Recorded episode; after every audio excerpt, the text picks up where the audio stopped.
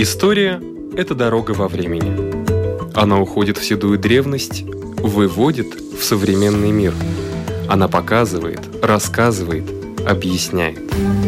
И не перестает удивлять. Живая история.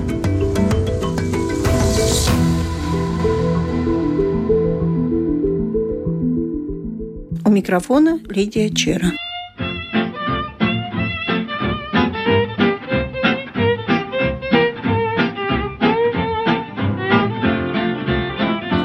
dokumentāls un tādā pašā laikā ļoti māksliniecisks. Jo Jānis Zālīts ir viens no tiem literatūras pētniekiem, kurš ļoti eleganti un labā valodā raksta.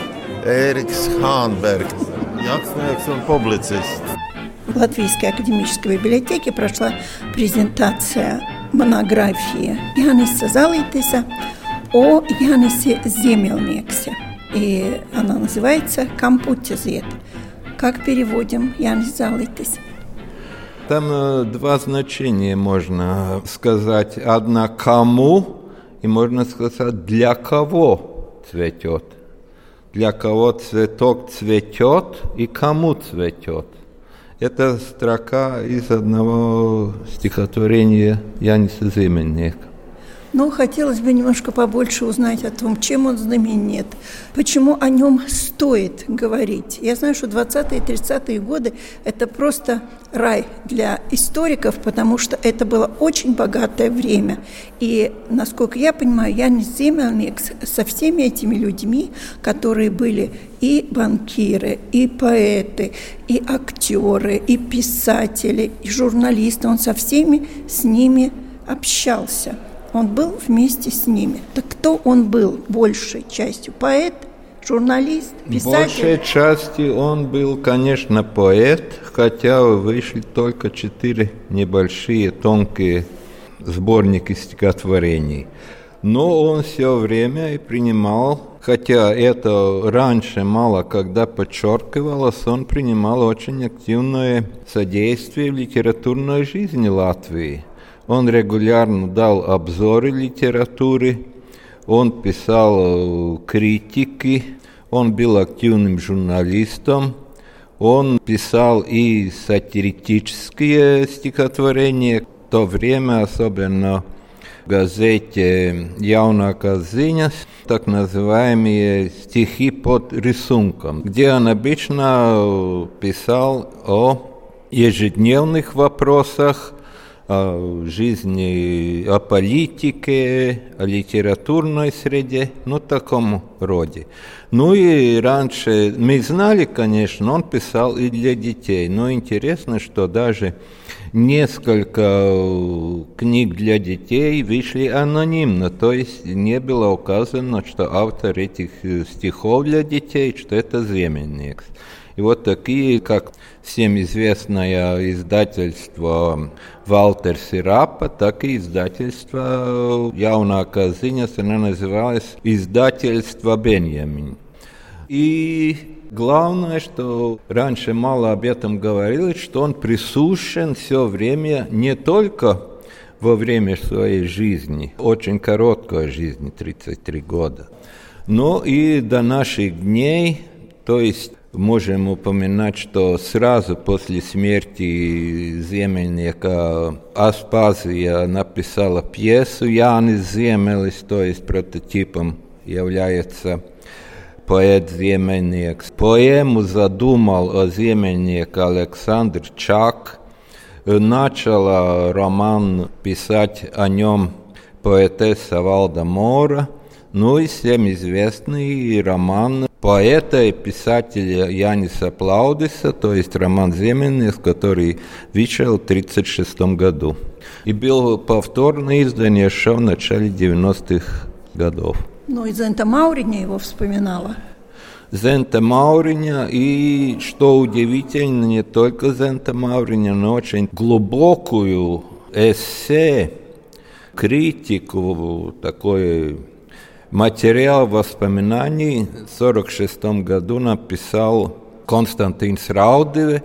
Он еще подчеркивал, что уже прошло, в это время уже прошло 16 лет, и что это достаточно большой период, чтобы осмыслить по-настоящему вклад земельника в литературу. И главное, что это его отношение к поэту, он вообще очень мало критик писал. Но как раз из Земельника он э, написал очень такую обширную, очень интересную, глубокую, содержательную статью. Откуда он? Он рижанин? Нет, он не рижанин, он из деревни, то есть имение мужа, да? Да. Имение Бануши, то есть недалеко от э, города Смилтона. Потом уже он учился, и семья переехала тогда еще не был он город, по-моему, с 26 -го года. Они переехали в Тренчи, где он учился, и потом критик, журналист и редактор Янис Картлинш пригласил его в Ригу для дальнейшей работы, но вначале он работал в одном из департаментов Министерства просвещения – а потом он, можно сказать, уже такую постоянную работу не имел, но он был все время связан с этими двумя изданиями «Яунака ziņas» и «Atpūta», которые издали Бенjamin. С чем связана его такая короткая жизнь? Ну, с одной стороны, эта причина уже наверху, это наркотики, конечно. Он уже молодые годы ему сделали, очевидно, неудачную операцию. И вот врач местный назначил ему сильные лекарства, и он как-то привык к этому, ну и дальше пошло, как обычно в таких случаях. Но были ли только наркотики виновны его смерти, или это было самоубийство, или передозировка? Ответа точного нет, ну и, наверное, не будет. Совсем недавно мы увидели фильм, многосерийный фильм «Эмилия», где роль земельника была тоже обозначена. Вот как вам кажется, роль и земельник, как вы его себе представляете? Он был похож там?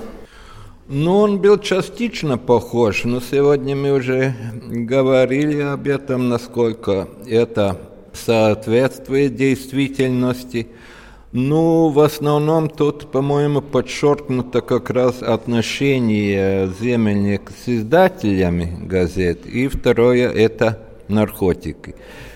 Ну и он появляется на экранах только первых двух серий, в конце второй серии он уже прощается жизнью. Но если на эту вещь смотреть как на документальный фильм, то это, конечно, несоответствий довольно много, но если это художественный фильм, так что, по-моему, там характерные типажи того времени, и оба издателя, и Эмилия Беньямин, и Янс Беньямин, и так называемый Беньямин Юниор, то есть сын Антона Беньямина Янис. Так что довольно так выразительно и характерно показано.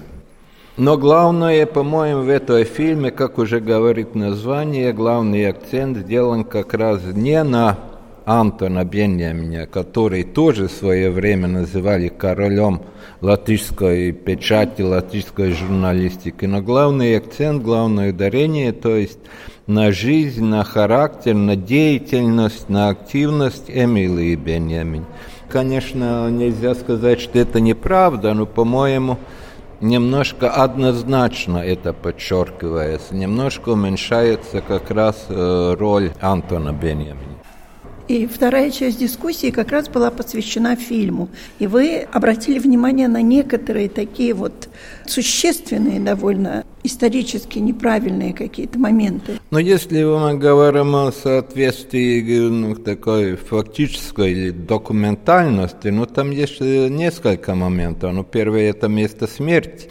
Он не умер, он умер в съемной квартире на улице Марьес, где он снимал квартиру но не в издательстве, как в это. Фильме а в фильме он умер в издательстве.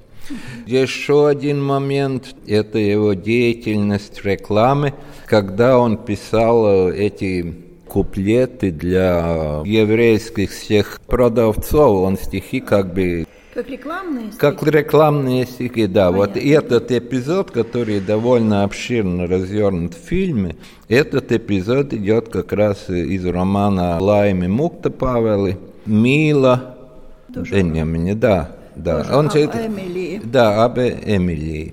И вот в этом романе вся тягость, все акценты как раз поставлены в образе Эмилии.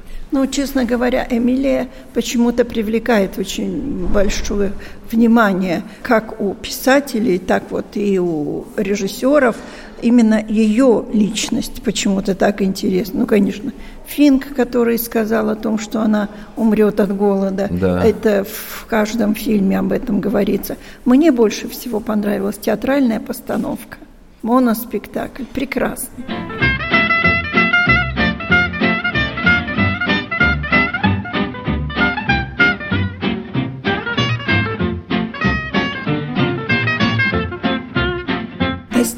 У Яниса Земельникса на самом деле хорошие. Читает актер Каспарс Зале, исполнитель роли Яниса Земельникса в сериале «Эмилия. Королева латвийской прессы». В нашей беседе мы поговорили о том, насколько легко или трудно было вжиться в образ поэта. Чувствует ли актер большую разницу между сегодняшней молодежью и той, что жила сто лет назад? И не видит ли он сходства, чисто похожих на портреты поэта Земельникса? Jānis Ziemeļnieks no manas dzīves, un kaut patiesi labāk klusēt būtu, kā mirušam, kas dzīvi neatmin. Es gribu izteikt visu, ko vien jūtu. Kā labad, kam dēļ, to tik debesis zina. Kad piedzimu, bija krēsls pilna telpa, bet šķita gaišs, bija acis jāizmiedz. No zemes gaisa aizrāvās man elpa. Es iekliedzos, kā mirējis šausmās kliedz. Pār mani laidās mātes roka maigā.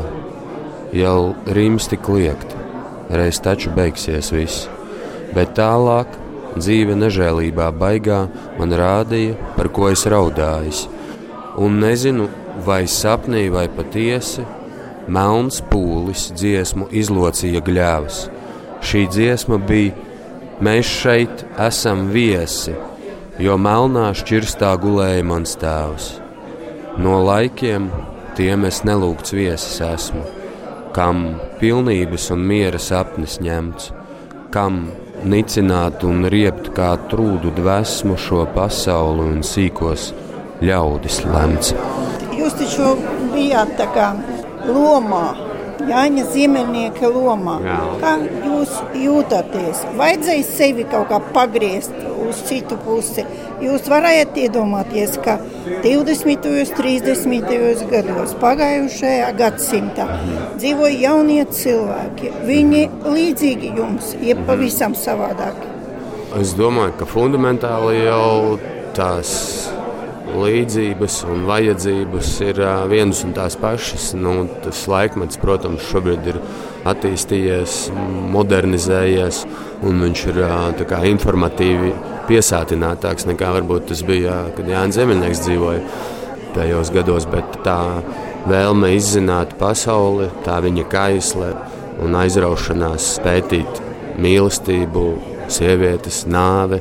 Un Es domāju, tās jau ir tādas fundamentālas lietas, kas ir arī aktuālas mūsdienās, gan jauniešiem, gan arī visiem pārējiem cilvēkiem.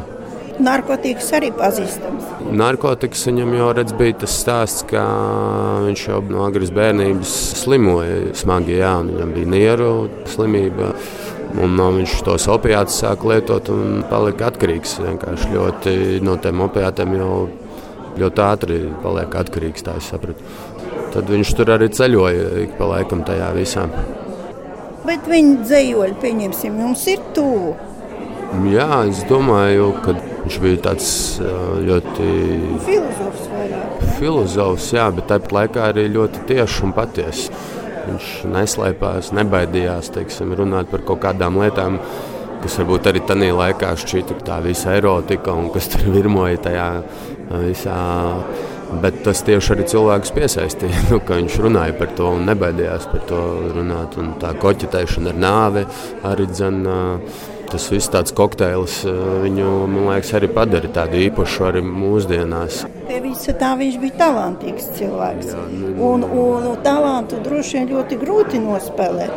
Iedomāties, es esmu Zenta Mauriņa. Nu, es neesmu Zenta Mauriņa. Kā viņu nospēlēt? Vai tas nav tikai fars kaut kāds? Tādēļ jau es teicu pirms tam, kad es te uzstājos, ka tā loma jau sagatavota. To es tā saucu, tā kā būvēt tādu biorobotu, biomehāniku saucamā, kad tu lasīji Jāņa Plaužu to romānu un, kā teikt, būvēju Jāni Ziemeļnieku jeb Jānis Kraukli, kā viņa īstajā uzvārdā sauc no bērnības. Teiksim. Tēva agrā nāve, kas man liekas viens no atslēgas momentiem vispār Jānis Ziemeļnieka teikt, personībā kā tādā. Jo, kā arī pats Jānis Plauds rakstīja, ka viņam dvēselīte pavērās ļoti agri. Viņš saskārās ar nāvi, kas tas ir un pazaudēt kaut ko ļoti tuvus. Kaut kas beidzās, kaut kas nav vairs, kas tev ir ļoti tuvs. Un, un, un, Nu, tā viņa īstenībā tā ir tāds nicinājums pret kaut kādām lietām. Viņam ironija pret kaut kādām lietām. Nu, un, nu, es tā viņu būvēju. Nevis, ka nu, lūk, viņš ir tur. Jā, es tiešām pētīju to viņa bērnību pirmām kārtām. Un, tur ļoti daudz atslēgas momentu patiesībā ir tam visam. Jo viņš jau arī nomira, ne jau tur sirmgalvs, viņš jau nomira 33 gadu vecumā. Jauns. Cik jums gadu? 37. es jau esmu pārāk. Tas ir labi. Bet varbūt jūs izvēlējāties tāpēc, ka jūs esat līdzīgi. Jūs redzat kaut kādu līdzību tīri tēlā. Mm, nu, grūti pateikt. Es tā nezinu. Es nezinu, kāpēc mani tieši izvēlējās. Jo... Un vispār tas posms, kad es tiku pie šīs lomas, bija diezgan sarežģīts, varētu teikt, pat ekstremāls. Man bija liels pārmaiņas dzīvē. Nu, Viss tas covid vēl apkārt, un nu, bija tādas vispār lielas dzirnavas, kā teikt, nu, griezās. Bet uh, es kaut kā mistiski, man teiksim, šī loma, nestoties uz ekstrēmu īso laika posmu, sagatavošanās posmu, nu, nebija daudz laika vienkārši sagatavot lomu. Mm, es kaut kā ļoti ātri uztvēru viņa to, to noti, to Jāņa Ziemeļnieka, jā, un kaut kā saplūdu. Principā vadoties vairāk vai mazāk no Jāņa Plauža romāna. Jā, tas bija tas mans. Nebija ar nekam citam diži daudz laika. Bet uh, man kaut kā bija viegli identificēties ar uh, viņu. Bet viņš arī atlaida viegli. Nu, var teikt, tad, kad jūs strādājat, tomēr cilvēks ar visu galvu, smadzenēm, domām jūt līdzi. Pēc tam, kad beidzās tā loma, palaida. man bija mistiski viegli, jā, man atlaida. Tāpēc jūs esat vecāki jau paši. Jā, jā, man liekas, tiešām. Tas tāds pētniecības process, man liekas, bija visu mūžu Jānam Ziemeļniekam tā nāves tēma. Es tikko arī redzēju to viņa bildi pie nāves gultas, kas bija viņš tā, ar tiem ziediem pie žaketes piesprosta. Es domāju, viņš nomira laimīgs. Es domāju, ka jā, tas bija viņa ceļš. Varbūt kāds uh, augstākais Dievs zināja, cik viņam ir vajadzīgs izpildīt, to viņš ir izdarījis. Jā, tieši tā. Es domāju, ka jā, katram tas liktenis ir tāds, kāds viņš ir. Nu, katram ir dots tik daudz pacelt, cik viņš var pacelt. Mans brālis karā kritis, bet naktī es dzirdu tas jāj uz stalta balta zirga un durvju priekšā stāja mans brālītis karā kritis, bet naktī es dzirdu tas jāj, uz stalta balta zirga un durvju priekšā stāj.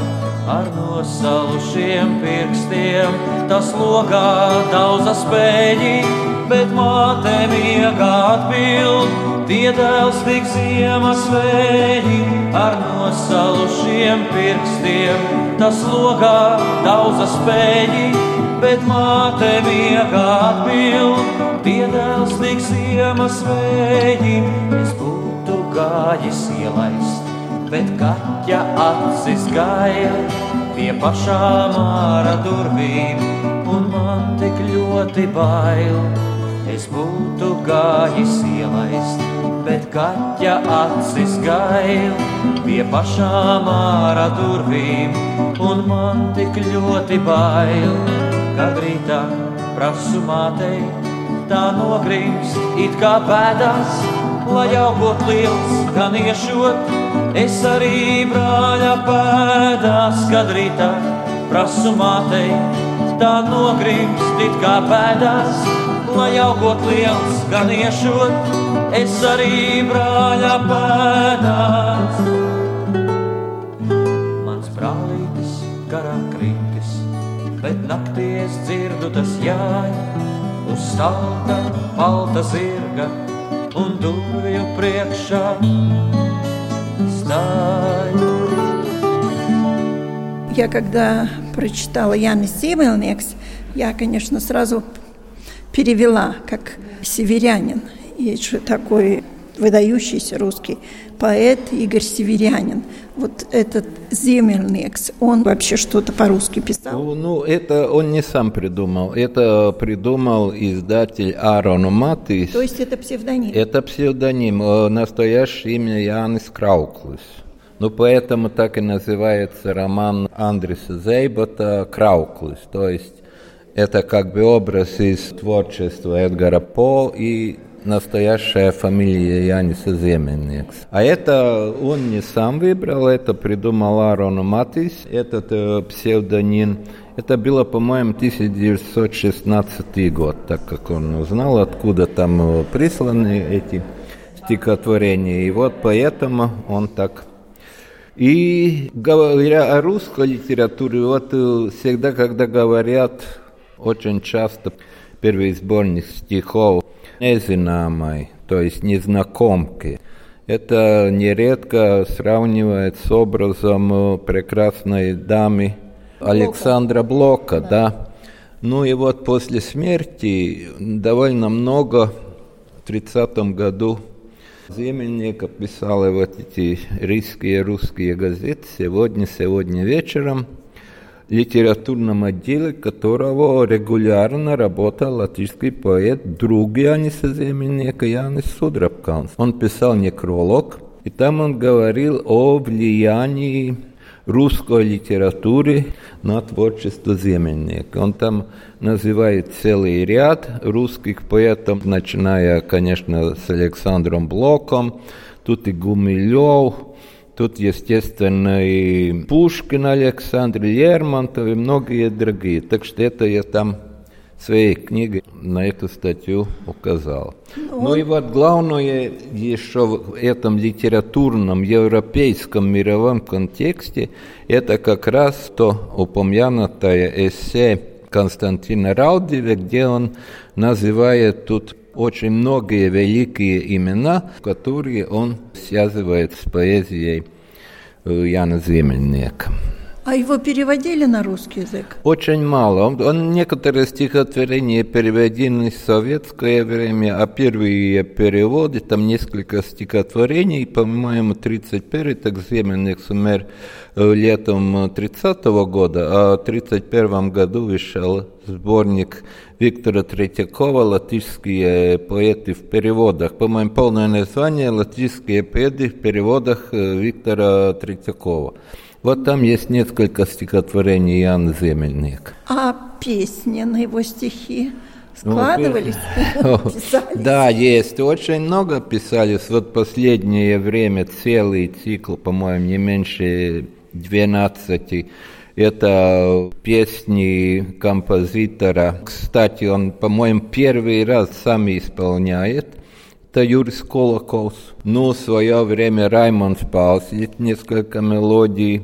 Арвид Жилинский с несколько песен для хора. Вот я сегодня уже говорил, что я так детально так я еще не посмотрел, но очень, очень стихи Земельникса вот говорит о том, что в ней есть какая-то внутренняя музыкальность, которая привлекает композиторов. Что не все даже очень популярные, известные поэты, но как-то на них композиторы внимания не обращают, а вот Земля как раз принадлежит тем, которые, ну, наверное, удобны, приятны, как-то да. легко Перекладывается в музыку. Да, музыкальный. Да.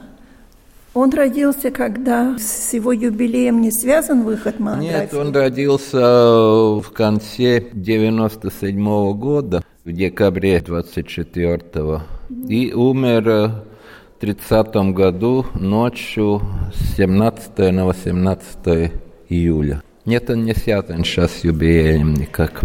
Мало прожил, но видите, раз вы написали ну, монографию, и сегодня пришел полный зал – Значит, он интересен. Он принадлежит, есть такие деятели культуры, он не единственный. Вот, например, поэтесса Аустраскуиня, 23. Да.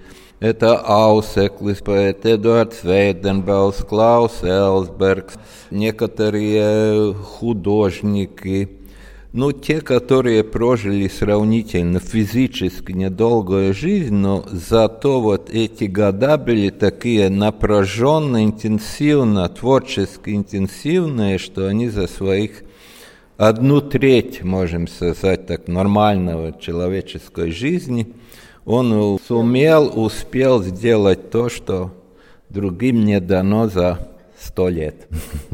Спасибо. У нашего микрофона был Янис Залитис, автор монографии о Янисе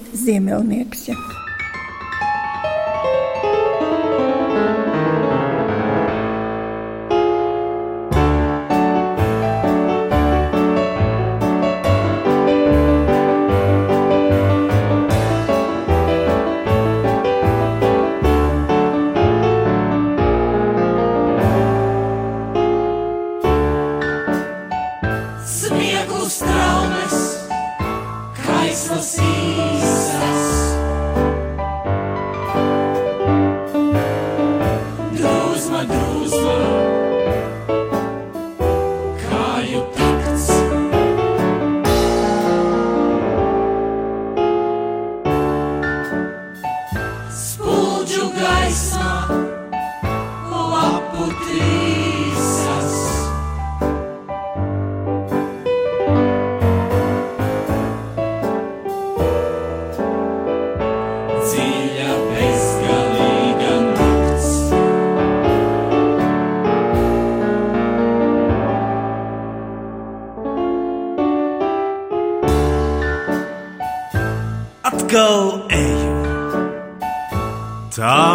Tāli.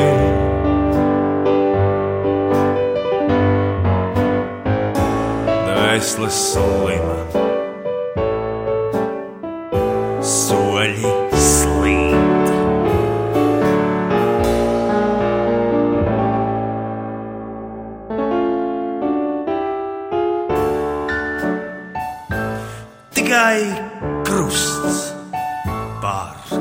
katedrāli.